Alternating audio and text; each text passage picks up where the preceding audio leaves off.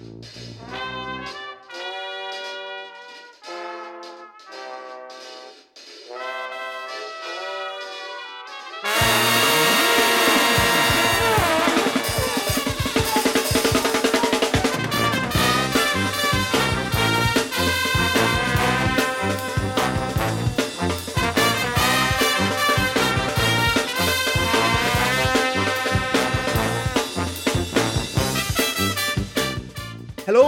croeso i benod 33 o Ysbeidiau Heilog gyda fi, Llywyd Owen. A fi, Lee Jones, lle byddwn ni'n rhoi sylw i'r pethau bach sy'n gwneud gwahaniaeth mawr i ni yn ystod y cyfnod hollol hongo hwn. Hollol! Nes ti glywed hynna? uh, eh, do, do, lovely. Very nice, very nice. Um, yeah, I mean, mae yn honco bonco bos ar y foment hefyd, a mae'n i ddod at hwnna mewn munud, ond cyn hynny mae rhaid ni wneud bach o admin, so um, just fel arfer, os gallech chi ddilyn, rhannu, uh, hoffi, dilyn, slam o'r bwtwn, tan ysgrifio yna, tan bod wedi torri, um, gwedwch y ffrindiau, a yr holl bethau yna. A ni'n ni, ni, ni, ni cael um, negeseuon ar ôl ni'n rhyddhau pob penod. Um, mae fe rili really yn hyfryd cael bach o adborth yn dyweli. Mae fe'n... Uh, mae fe jyst yn cadarnhau bod rhywun actually'n gwrando i'r shit yma. Ie, yeah, ar ôl naw mis bob wythnos, ti'n gwybod beth i'n meddwl? Ie, yeah, man. Gallwn ni, gallwn ni, gallwn ni wedi uh, cael babi gyda'n gilydd erbyn hyn. Ach, y fi. Gallwn ni ddychmygu I mean, stad ar hwnna. O. Dyna gwallt fel Terry Nutkins. Yeah, um, spectals. Let's face it. The spectals showcase. Ie, yeah, Willy Bach. And on we go! So... Ond, ond ceillia um, gorfawr. Fel fucking space hoppers. um, Na ni, uh, yeah, so yeah, dyna'r dyna, admin. oh dear. Oh my god, so yeah, so, chwerthin, chwerthin, yeah. a nawr... Pethau difrifol. ddod lawr a pawb, yeah. achos yr hyn i eisiau siarad am gyntaf heno yw casineb. Dwi'n syni fod ti'n cymryd y piss. Fi ddim yn cymryd y piss ni. Ond ti'n ddifrifol. Fi wastad, fi wastad sort of yn cymryd y piss. Ond fi ddim. Achos, uh, well, casineb. Yeah, so, Ond on, dyn ni'n bod, dyn ni'n bodlediad positif. Am bar reswm dyn ni'n dod ar fath pwnc i fyny llwyd? Uh, well, i fod yn honest, man, Dwi wedi cael llond Ma, bol ar esgus fod yn hapus. So dyma ni. Dyma dy rest di o bobl y ti'n ei cysau. Ni'n cyfeirio at fath o'r byd honco yma ni'n byw yn rhaid bob othnos. A, a mae ma fe yn rhaid. Mae'r ma byd Benny Weired.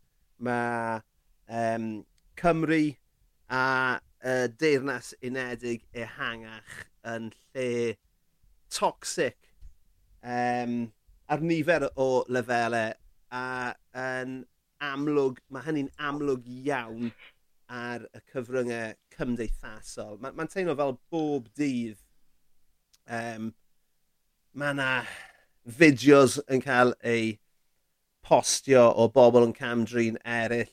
So, ti'n mae hwnna'n fel arfer yn dilyn bod e'n seil, yn seiliedig ar hiliaeth, yn rhywiaethol, um, yn erbyn pobl LGBTQ, transphobia, unrhyw beth gwahanol iddyn nhw. I mean, oedd na, na um, fideo yn neud y rounds wythnos yma o ddyn yn, mo, yn, yn, yn, yn, yn cam drin, uh, merch ar drin yn, um, mod, yn eiriol yn hytrach nag yn gorfforol.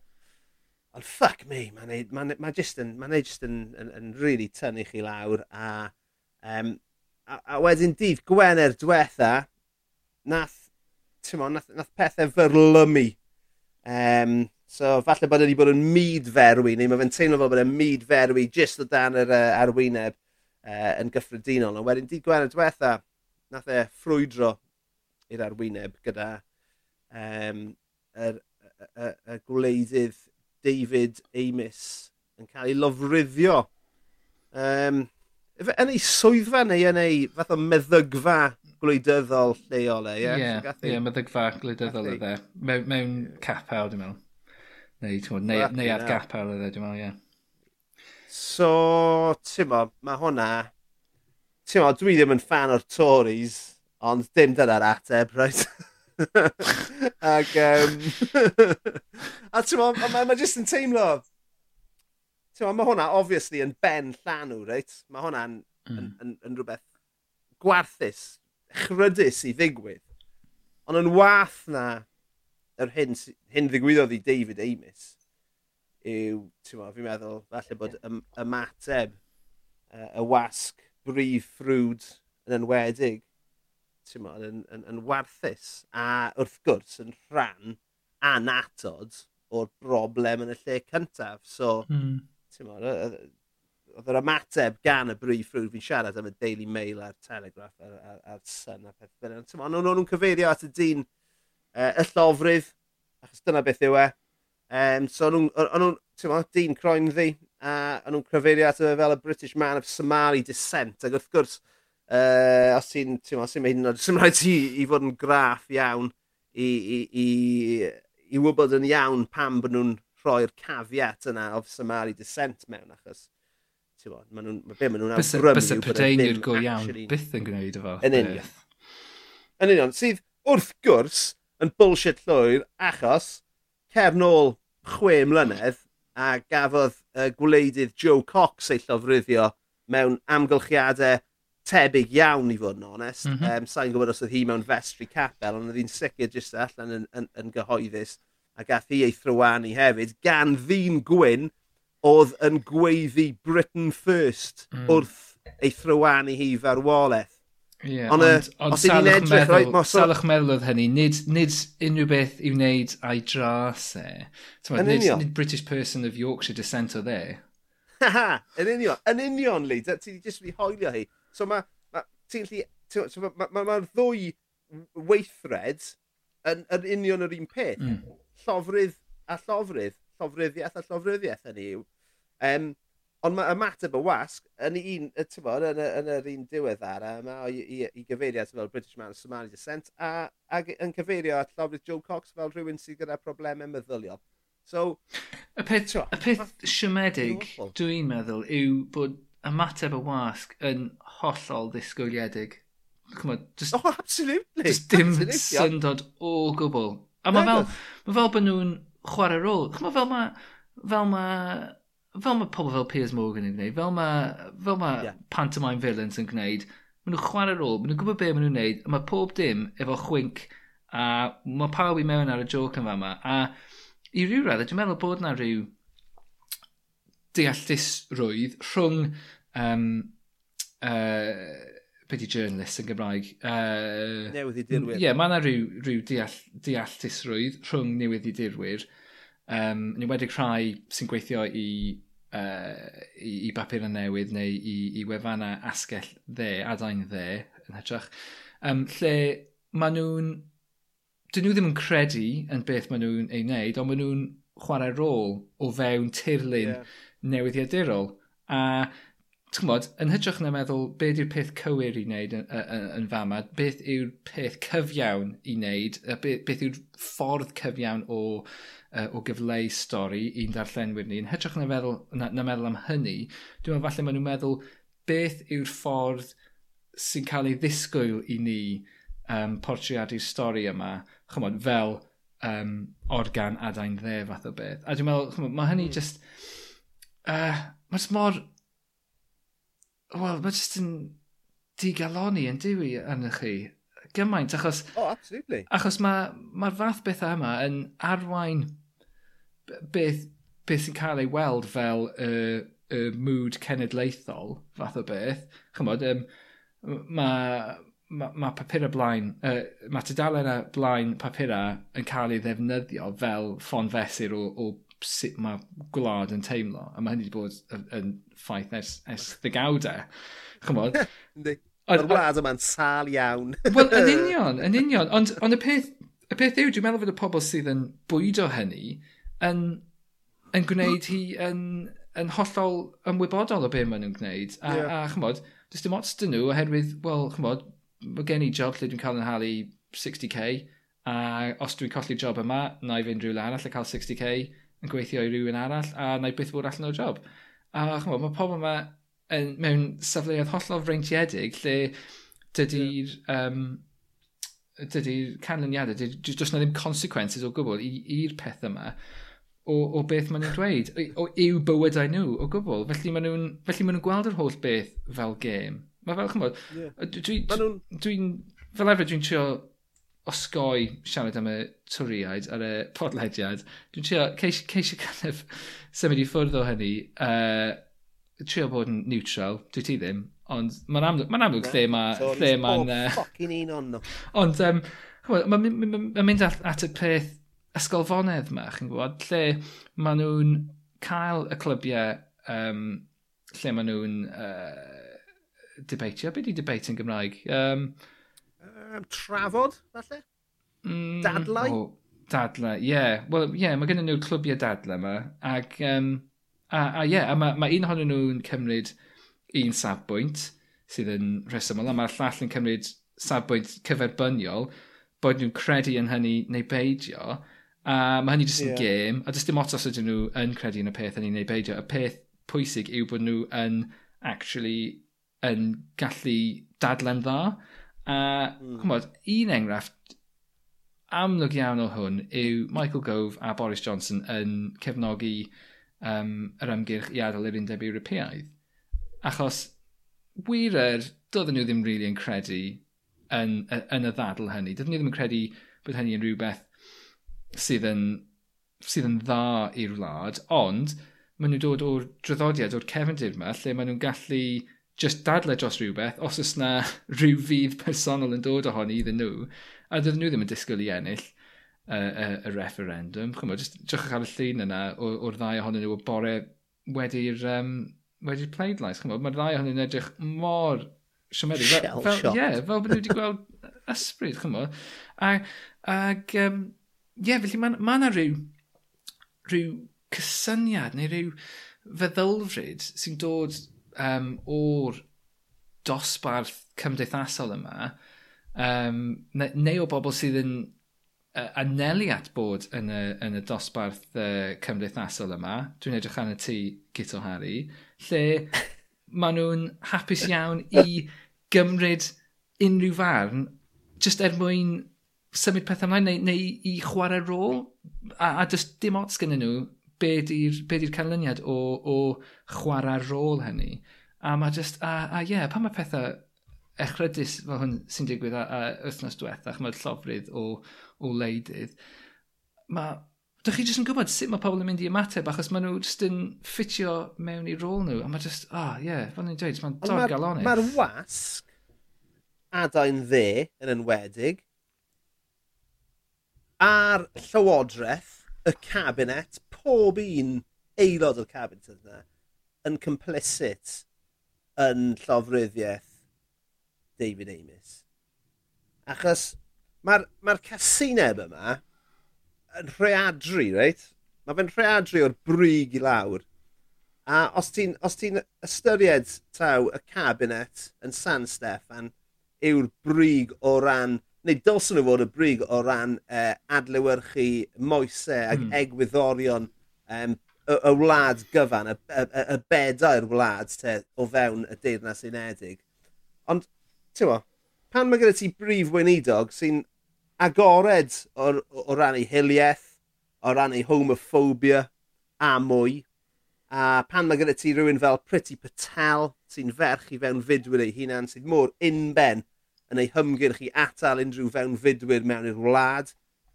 Does dim ryfedd bod pobl cyffredin yn meddwl mod, bod hi'n hollol iawn i drin rhywun sydd yn, yn, yn, yn, yn uh, ddim yn cytuno gyda nhw, yn angytuno gyda nhw, fel baw.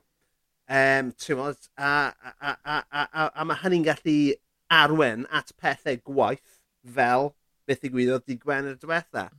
Ond, ti'n modd, mae ma, ma gwleidyddion, pob un o'n nhw yn fod gosod y siampl. Reit? Mae hwnna'n hmm. rhan anatod o um, safle gwleidydd o fewn cymdeithas. Maen nhw wedi cael eu pleidleisio i'r rôl yna, i'r swydd yna. So mae gyda nhw gyfrifoldeb wedyn. Ond os oes gyda ti, fel ni'n gweud, prif weinidog sy'n sy, biafio fel ma fe, mm. just dim ryfedd bod y fath gasineb um, i weld mor gyffredin ag yw e y dyddiau yma. Ie, yeah, yeah, bys, yeah, um, dwi'n dwi cytuno gyda hynny. Be bys ni'n anghytuno gyda ti ar yw dwi ddim yn meddwl bod na bod chi'n gallu tynnu llinell o o'r uh, o'r llywodraeth a, a nhw'n gosod safonau at y llofruddiaeth yma. Ond uh, uh, wrth sôn am chymod, yr awyrgylch mwy eang o, o gysineb a chymod, just um, sadbwyntiau hollol binary uh, yn mynd ben-ben i'w gilydd. Chymod, a, ag, ag chymod, just, yeah, just yr uh, uh, holl sefyllfa, y, y mood fel, fel oedd hi. Rydych chi bendant yn gallu tynnu llinell at, at y llywodraeth bresennol. Mae'n to ma ma toxic, right? Hmm. Mae'n ma, ma toxic, mm. a mae fe'n... Ti'n mo, ti'n gallu cerdded lawr y stryd, right? A... Ti'n mo, ti'n neb, ti'n neb yn mynd i... Ti'n mo, wrth, wrth ddweud neu wrth wynebu unrhyw beth ti'n gwneud nag yn dweud. Ond cerdi ar-lein, a ti'n mo, mae rhaid ni wynebu'r ffaith bod, ti'n mo, hanner y wlad gwed, uh, yn, yn, yn treulio rhan heleth o'i diwrnod ar-lein, a lot o hynny ar cyfrifyngau Cymru stasol.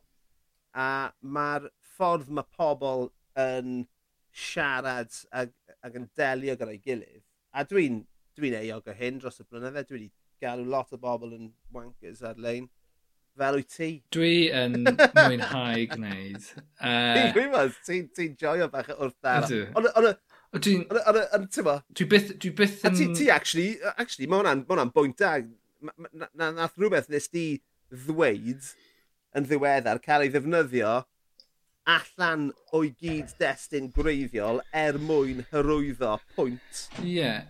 Well, wad... Oedd ddim yn berthnasol i be o ti'n trio gweud yn y lle cyntaf. Na jyst fynd nôl at, at y pwynt o fi'n slagio pobl off ar-lein, pobl dwi ddim yn nabod, yeah. dwi'n dwi, arbed hynny at uh, pobl arbennig iawn uh, fel gwleidyddion. Plismyn iaith a Tories. gwleidyddion, uh, plisminiaeth um, a Chris Bryant yn bennaf. Um, ond... Gotta love that Chris Bryant. dwi, dwi just eisiau i'r byd fod yn lle gwell. A dwi, dwi, be dwi'n trio gwneud yw gofyn cwestiynau sydd yn ceisio gosod safonau. Um, Dwi'n gwybod pan ni'n gyfio yna i ni. Um, ond na, ond ie. Yeah. Sim neb arall then. Na, just gweud o wankers mewn i'r ffucking rhyngrwyd a diflannu. Ie, yeah, dyna beth os ydi'n neud. Um, beth os ni cael di um, uh, cyfrif anonymous, dyna beth os ni cael. Wedyn dwi'n rili'n really gallu ddechrau slagio pawb off. Ie, yeah, Llywyd, dechrau efo ti. Um, na. Yeah. Ond ie, yeah. so ie, yeah, so beth o digwydd? beth o digwydd yr wythnos o blaen, nes i postio um, clip o uh, James Acaster yn performio. Um, James Acaster, un o stand-ups gorau ym Mhrydain. Bys ni'n dweud yeah, y stand-up gorau ym Mhrydain ar hyn o bryd. A bys lot o bobl yn cytuno gyda fi. Pobl sydd yn gwybod beth nhw'n siarad am hefyd. Ta beth. A dyma fi. Dyma fi yn... Uh, uh, rhannu'r clip mae ar Twitter. Ac mae'n... Um, Wel, performiad James Acaster, lle mae'n gwneud pwynt am uh, y ffaith bod pobl uh, sydd yn traws, trawsrywiol, yn, uh, chmod, bod, bod na trafferthion yn eu bywydau nhw. Chmod, rhywbeth eith, chmod, pwynt eitha cyffredinol yn, um, dal yeah. nhw. Dim byd, um, dim byd rhy pigog, ddim yn mynd i mewn i'r sefyllfa mewn unrhyw fanylder. Chmod, pwynt, pwynt y joc oedd, dydy pethau ddim yn rhwydd mewn bywydau pobl sy'n trawsrhywiol. A, a mae ma yna ddadl dros y peth. Um, a, a chymod, dwi ddim mynd i cyfiawnhau unrhyw fath o'r ddadl, ond os, os ydych chi'n credu mewn un peth neu'r llall ar hwn, dydych chi ddim yn gallu anghytuno bod gan pobl trawsrhywiol heriau yn eu bywydau nhw. Mae hynny'n ffain. Ond, be na ddigwydd yeah. oedd, nath, um, os ydych chi'n cofio, mae yna ma rhyw boi sydd yn, wel, chymod, sôn am y pobl yma o fewn y cyfryngau sydd yn chwarae rôl. Um, mae, beth yw enw e, Joseph Paul Watson, dwi'n meddwl, uh, neu Paul Joseph Watson, Prison Planet, di enw e ar Twitter. Mae fe, chymod, pawb yn jocio am y ffaith bod e'n byw yn, yn hi ei fam ac yn just sôn am conspiracy theories trwy, trwy dydd. A mae fe, ma fe ar Infowars hefyd, ac mae Infowars just yn hysbyseb dyna gyd yw e. Maen nhw'n siarad am, chymod, conspiracy theories am 5 munud. Alex Jones i ti olna, ie? Ie, ie, ie. Yn union, ie. Yeah. Fe nath, fe nath ddechrau neu really rhoi tanwydd ar y tân o o'r conspiracy theory o gwmpas Sandy Hook. A nawr mae rhieni o'r um, dioddefwyr uh, yn fanna, maen nhw'n siwio fe a maen nhw'n, chymod, mae ma fe'n edrych fel bethau'n mynd i golli bob dim um, o'r achosion yma. Ond anyway, a rai pobl yn heiddi fe. So Joseph Paul Watson, neu Paul Joseph Watson, be bynnag di enw e, nath e gymryd y clip ma o James A. Caster, uh, nes i postio, a nath e aildryd ar e, a trio gwneud y pwynt bod, um, bod uh, achosion neu bod um, y ddadl am hawliau pobl trawsrhywiol yn rhywbeth prif ffrwd sydd yn dod o, chymod, o sefydliadau um, chymod, prif ffrwd ag uh, fel, chymod, fel llywodraeth a pethau fanna, mae fel... Wel, un, mae hynny yn hollol wrong, achos dydy, chymod, does, does na ddim byd yn dod o'r, or, uh, llywodraeth at ni yn dweud, chymod, iddyn ni gyd fod yn trasio neu beth bynnag, neu i, i, i ddadle dros hawliau pobl trasio. Dydy hynny ddim yn rhywbeth sy'n dod o'r sefydliad o gwbl. Um, a dau, on, rhag dy gywilydd di, dwi ti ddim yn gallu defnyddio fy nghynnwys i rhywbeth dwi wedi rhoi ar-lein er mwyn gwneud pwynt hollol gwahanol. So, um, so nath e, nath e aldred ar fi yn ystod yng nghanol y nos, so nes i ddeffro gyda llwyth o bobl, llwyth o just dickheads gyda Bitcoin logos fel avatars yn ail trydar, gwneud sylwadau. Um, So just blocio nhw gyd. A dyna'r thing, ti'n blocio un person a dyn nhw ddim gallu quote retweetio ti. So dyna beth nes i. Oh, they're just fel... Yeah. Y gwers yn fanna yw i blocio dickheads ar-lein cyn iddyn nhw ffeindio chi, achos dys gennych chi ddim reolaeth unwaith bod nhw yn. Yn ymwedig os dyn nhw'n eich ail drydar chi fi nos pan ydych chi'n cysgu. Yeah. Wel, yeah. Ac, um, ti'n o'n ni rap o hwn lan, mae'r mae'r um, mae'r marwolaeth David Amis wedi arwen at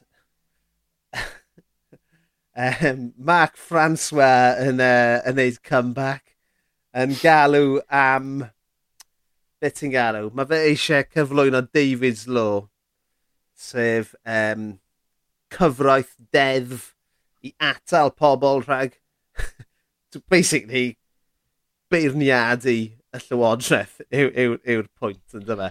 Maen nhw'n ma, ma, ma treial. Mae ma fe eisiau plismo na ymddygiad pobl ar-lein.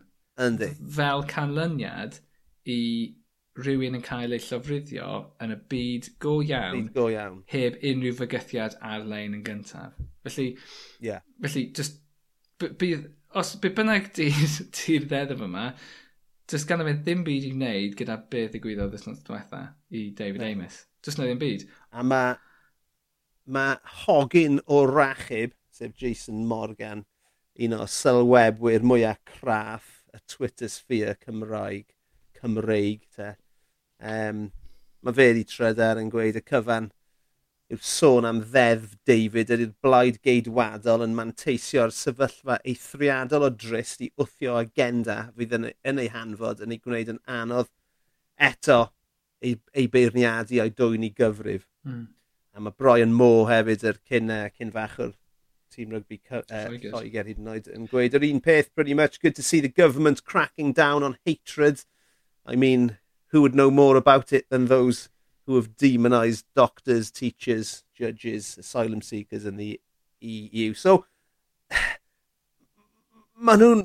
ni'n gallu gweld reit trwyddo nhw, reit? Mm. Mm. Yn dyn ni? Mae fe, ma fe mor blatant, a ti'n mo, ma, ma, fi'n meddwl bod rhaid i fi, mae rhaid ni ganslo'r podcast os fi'n cymharu nhw gyda'r Nazis. Ydy, efe hwnna'n reol, fi'n meddwl? Dwi'n meddwl, ie. Mae rhywun yn neud y, yn y, y gymhariaeth Um, ti'n mo, um, yeah, so rhywun sydd heb os yn, um, yn, yn, yn, yn, lais. ti'n mo, sydd gyda lot o awdurdod yma, ragged trousered philanderer yw enw hwn. So when the Nazis came to power in 1933, the German constitution guaranteed free speech and freedom of the press. Through decrees and laws, the Nazis abolished their civil rights and destroyed German democracy. By 1934, blwyddyn yn ddiweddarach yn yw, it was illegal to criticise the Nazi government, even in jest. So, Timo, mm, slippery slope, man. Mae'n horrible meddwl bod uh, ni'n byw mewn... Mae'n ma, ma, ma, gwlad wedi mynd i'r shit a... Wel, ysdi'r clip yna O, oh, sa'n ti'n cofio henw hi, oedd hi ar, um, ar, efe, ar, ar rhywbeth uh, wythnos diwetha. Uh, Um, a Jeremy Vine. O, oh, dwi'n dwi wastad yn ysgoi'r clipio yma. Ie, yeah, ie, yeah, ie. Yeah. Wel, mae fe'n horrible. Mae ma, ma, ma merch... Dwi'n gweld... E, ie, dwi'n... Dwi Nana Akua yw enw hi, a mae hi'n ferch um, i fewn fydwyr o Ghana, ond oedd hi'n hi sôn am, ti'n mo, am adael i bobl sydd yn, yn, yn ceisio lloches ym Mhrydain yn gadael iddyn nhw i, i, i foddi yn y môr. Mm. A ti'n mwyn, chi jyst yn meddwl, sio yn y byd, ni wedi cyrraedd pwynt lle mae siarad fel na ar dyledu cenedlaethol yn ganol, ganol ffocin dydd yn dderbyniol. Mm. Mae'n ma, ma, jyst yn anhygoel. Anhygoel. Ond ie, yeah, fel ti'n bod, a maen nhw wedi rhoi status uh, dinas i South End fel canlyniad i lyfryddiaeth David Amos. So, chymod, mae um, ma Wrexham yn ceisio am um, status dinas uh, cyn bo hir. o'n i'n o'n i'n gwybod beth sy'n dod nôl at Wrexham. Mae ganddyn nhw, ma ganddyn nhw aelod syneddol am hyblogaidd twriaidd. Uh, felly gobeithio bod neb yn uh, gweld hynny. Be di hynna? Per, uh, perverse uh, incentive, di'r, dwi'n meddwl hynna di'r enw'r ffenomena.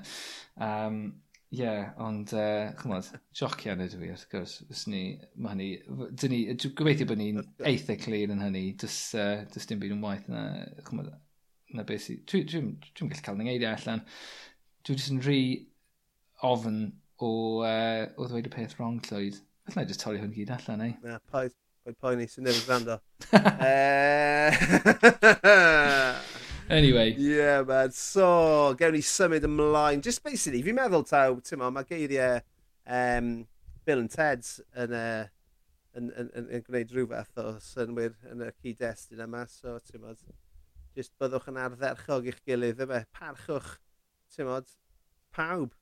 Ti'n ma, ni gyn wahanol. Dyna, dyna, dyna, dyna, dyna peth gorau am y byd yma, man. Fucking hell, sy'n ni gyd yr un peth. Fysa fe'n uffernol o ddiflas. Ydy, so... ydy byddwch yn ardderchog i'ch gilydd yn gynghanedd?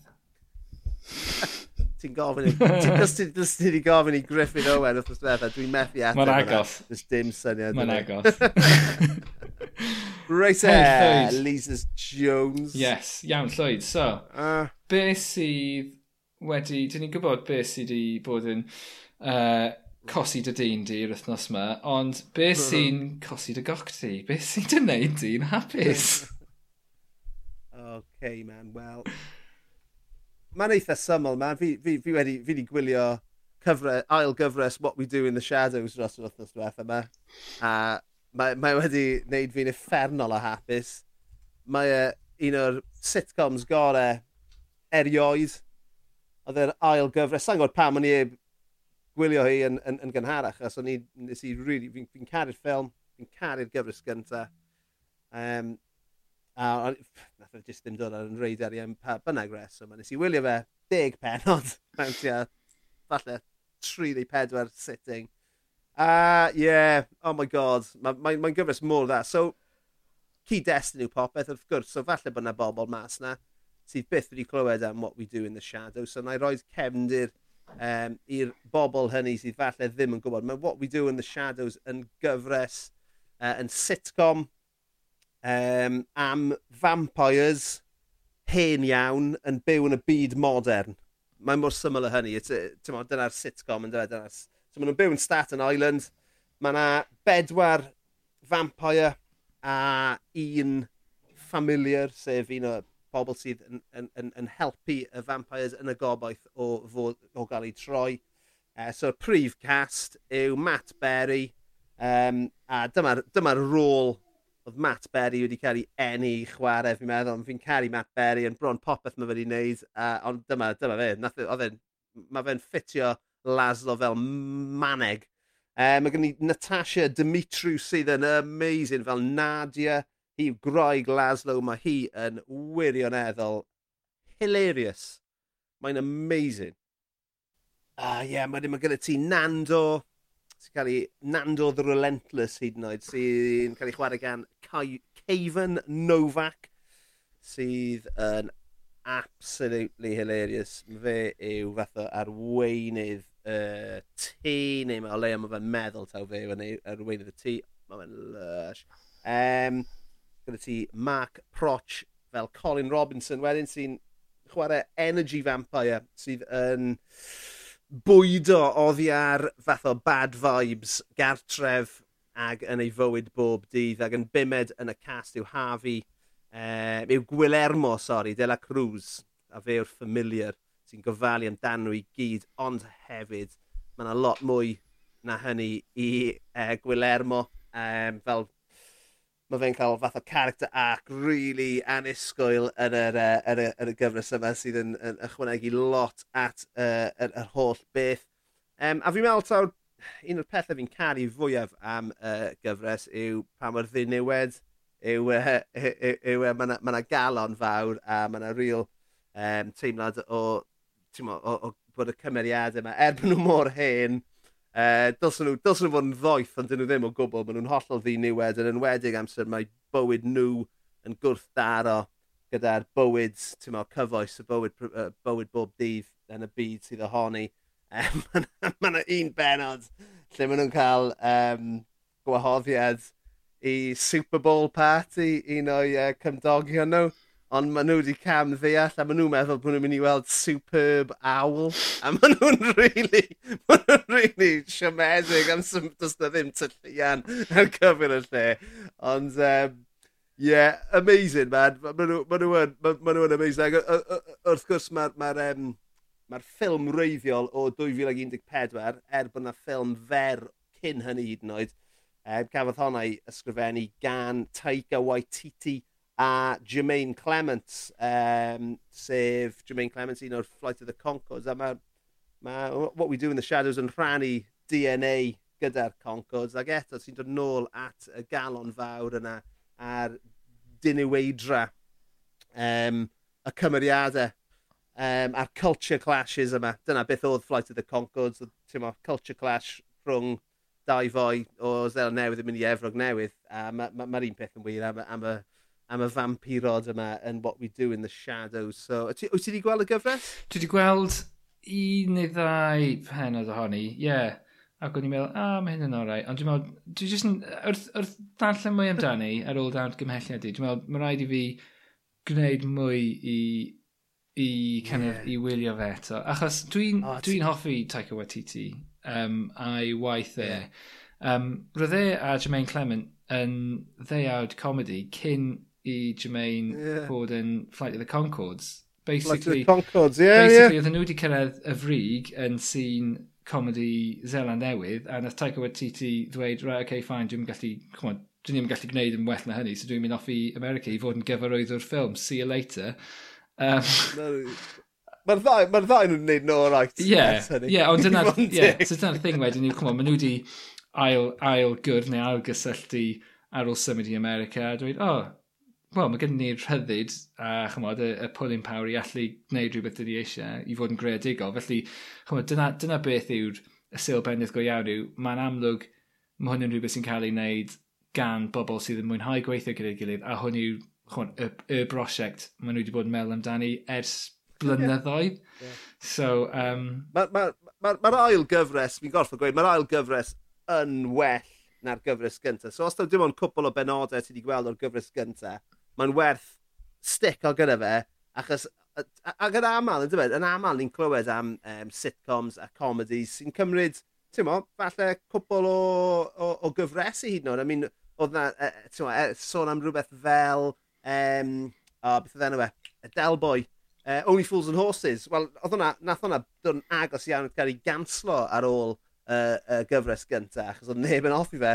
A edrych nôl ar rhywbeth fel Blackadder, y Blackadder greiddiol, mm. um, wnaethon nhw gorfod newid y cymeriadau yn llwyr ar ôl y, gy y gyfres gyntaf, achos oedd hi ddim yn llwyddiannus. Um, so fi'n meddwl, ti'n bod, uh, e, yn, yn aml chi'n chi, chi ffeindio bod cyfresu yn wedi comedies yn cymryd bach o amser i, mod, i, i, i ffeindio'r fformula, mm. yr, yr hyd a'r, lle, ar llefrith yna. Ag, um, yr un peth â podlediadau, e, chymod? Ie, faint o gyfleoedd ni'n mynd i gael, man. so, ie. Yeah. gwen fawr ar fy ngwyneb gyda fath o fangs gweidlyd yn dod lawr hefyd.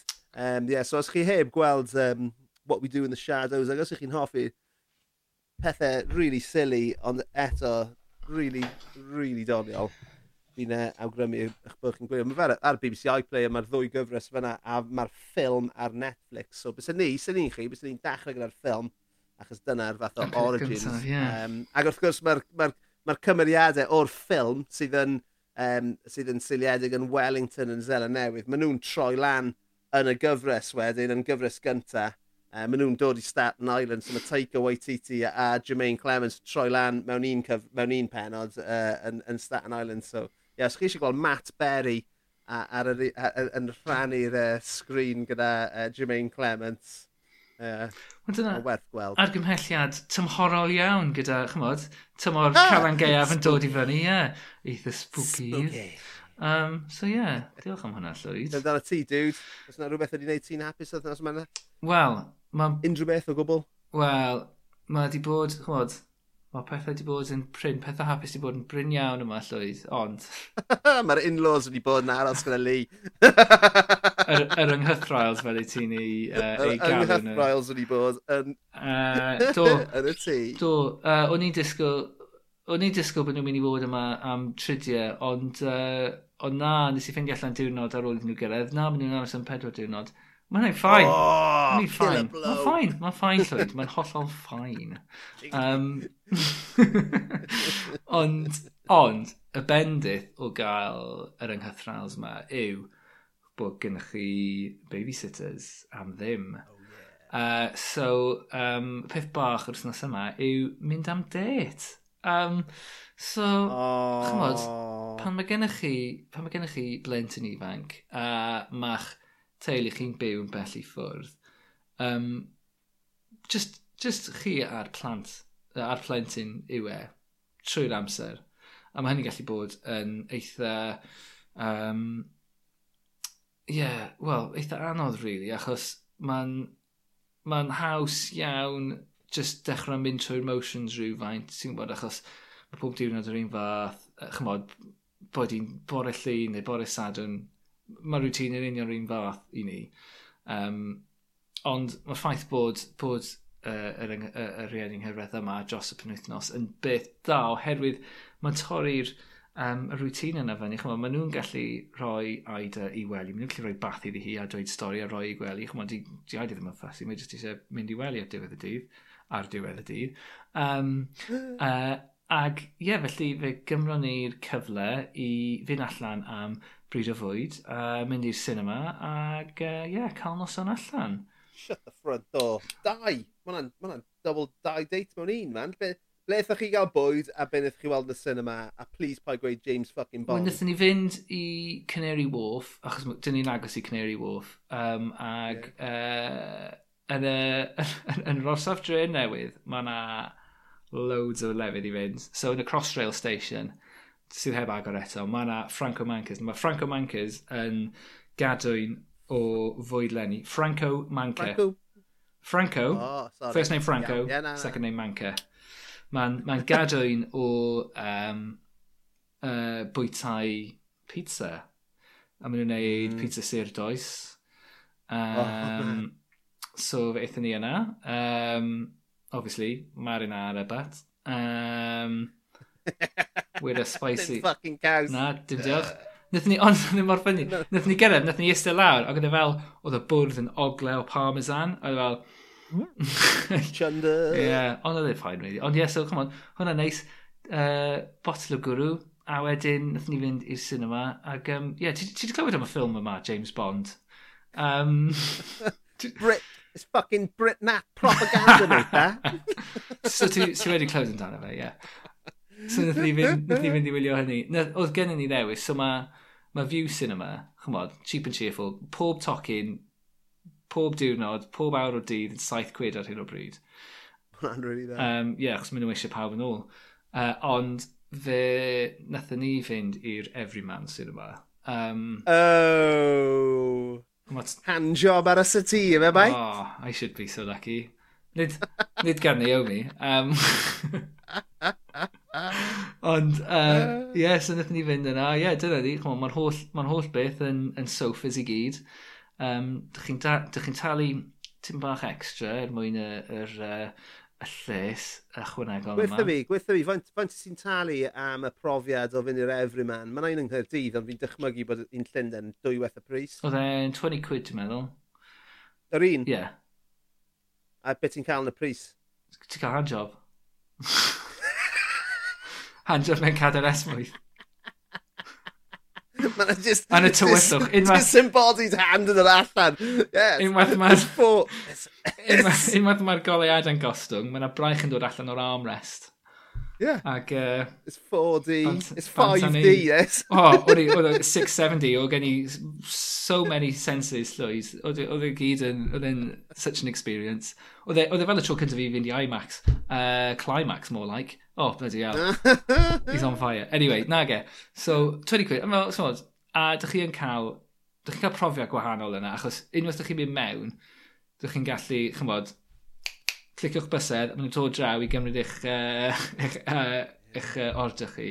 So, dwi'n, so dwi, dwi wedi cael cwrw yn barod yn y pizza. wedi'n cyrraedd, a meddwl, oh, ti'n gwybod be? na gael espresso martini, a oh my god, oedd e mor hyfryd. Nes i, nes i ddarganfod espresso martinis ar ymhen blwyddi, a cwpl o fisoedd yn ôl. Dwi'n gwybod be, dwi, pam dwi wedi ysgoen nhw mor hir, maen nhw jyst yn hyfryd. Maen nhw'n beryglis. Oh, maen nhw'n ffac, e lashbat. Ie, yeah, na, maen nhw'n lyflu, oh. ond maen nhw'n beryglis. so ie, yeah, o'n i'n gwybod, right, hwn di'r treat, dwi'n mynd i gael hwn. Um, ac oedd e, oedd e just mor felus. Oedd e, o, oh, dwi'n meddwl nes nhw roi cylw yn fe hefyd. Oedd e just yn, o, oedd e'n brofiad hyfryd. A wedyn, tymod, o oh, ie, yeah, and a large white wine, please. Tymod, achos tymod, di'r di cocktail ddim mynd i para ffilm tair awr. Oh, god, no. So, um, so ie, yeah, a chymod, oedd y ddau ohonyn ni jyst yn hollol knackered, achos bod gennym ni blentyn sy'n ddwy mlynedd oed, yn eistedd yn y tywyllwch. Um, Cysgu, nethon chi ddim gweld diwedd y ffilm gan ti? Nethon ni bron iawn sethio i gysgu cyn i'r ffilm dechrau. Uh, ond, uh, yes, so fe, ond fe, fe nethon ni wylio'r ffilm. Um, Dwi'n be, mae'n alright. Um, ddim quite yn y top 3 o ffilms Daniel Craig, James Bond, ond dim ond be, pimp mae di wneud, so that tells you a lot. Um, ond na, oedd yna reit, oedd yna'n ffain. O'n i ddim yn, ddim yn difaru gwario 20 pint, wel dros 20 pint i ddweud y gwir, um, ar y noson gyfan. Uh, a nath ni gael taxi adre ac uh, mynd syth i gysgu. Job done. Lovely. Ond oedd e jyst yn neis, ti'n bod? Neis bod allan o'r tŷ yeah. gyda'r person i ti'n ei charu. Um, ag uh, just, just, yeah, just ddim yn gorfod, chymod, ddim, ddim sgwrsiau am, chymod, o, oh, sut mae sut ma tŷ yn y plentyn ydy'n goch eto, chymod, pethau fel yna. Pethau rhamantus, oedden ni'n gallu ysgoed pethau rhamantus felly. A just, chymod, mynd straight... Wyt ti'n ffeindio? bod, but, Amser ti yn mynd allan ar date gyda, gyda, gyda dy, dy partner, dy, dy wraig, beth bynnag. Whatever, um, whatever she is. Bod e'n beth bynnag i fi. Um, bod e'n cymryd... Am y fi'n siarad o brofiad fy nes, es i allan ar date gyda, gyda Mrs Owen um, nos Wener hefyd. Um, a... ac, ac, like, am, am yr hanner awr cynta, chi yn sort of mynd, mynd trwy'r mynd trwy'r motions, dal angen ar y dydd, beth sydd wedi digwydd, gwaith, bla bla bla, merched, dy dy dy. A wedyn bach o, bach o lull wrth bod chi'n mynd, ffucking hell. Be sy'n digwydd nawr? Yeah. Be ni'n hafod siarad am? Yeah. Cyn, cyn, a wedyn, a wedyn ti'n glygo mwy o gin a mwy o wyn, a wedyn ti'n ti cofio. Mae fe gyn llifo nôl yn y diwedd, ond mae yna ma bwynt, achos ti'n mae ffocws bywyd am sy'n gyda ti blant. Mm.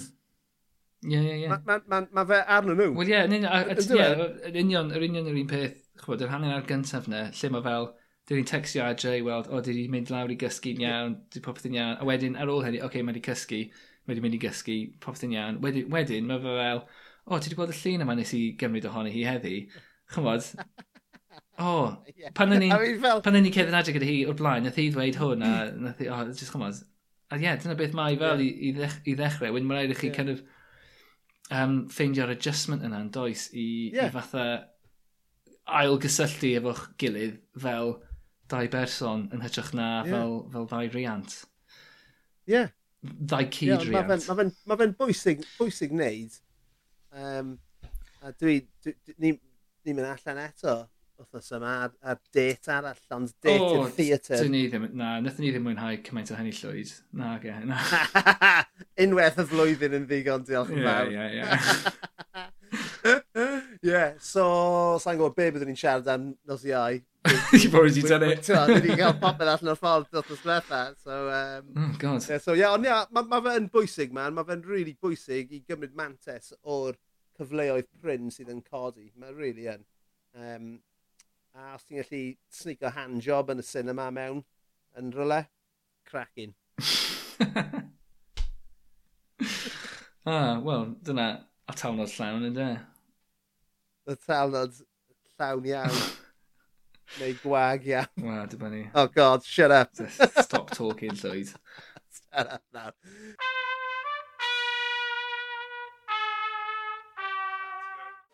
Newn ni ddod â popeth i ben fyna Dim neb yn gwrando nawr. Mae diwedd y podlediad. Munud olaf. Diolch i bawb am rando. Diolch i ti, Lee, am rannu uh, noson arall gyda fi. O, diolch i ti.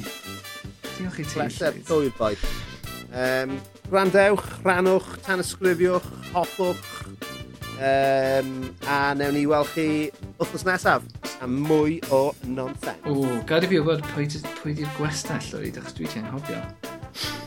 Ti eisiau gwybod nawr? Uh, Mae'n eiliad. Uh, byd, okay. Na ni ddys wneud small talk o fe yma, na, na i ffeidio fe allan. Ac okay. uh, wedyn, yeah, yeah. ti'n dweud wrtho fi? Uh, ti eisiau gweud nawr? Ti'n dweud goch fawr? Ie. Ti'n nawr?